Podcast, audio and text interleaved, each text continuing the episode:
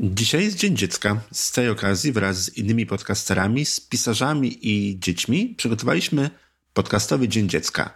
Specjalnie dla Was nagraliśmy bajki i wiersze, jednak były one na tyle niesforne, że rozbiegły się po całej sieci. U nas posłuchać nagrania Daktyle, przygotowanego przez Łukasza z podcastu Świat w 3 minuty, natomiast mojej bajki możesz posłuchać w podcaście po godzinach.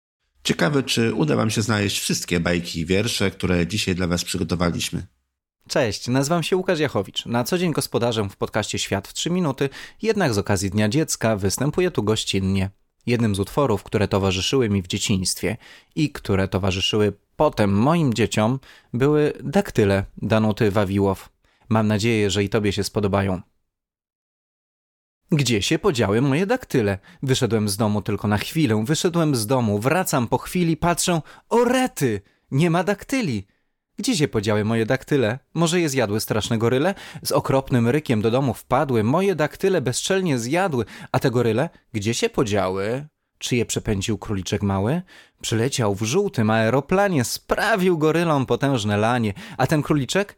Gdzie on się schował? Może go w lesie spotkała krowa i ślub z nim wzięła, a w zeszły piątek sześć urodziła królokrowiątek? A gdzie ta krowa? Kto mi odpowie?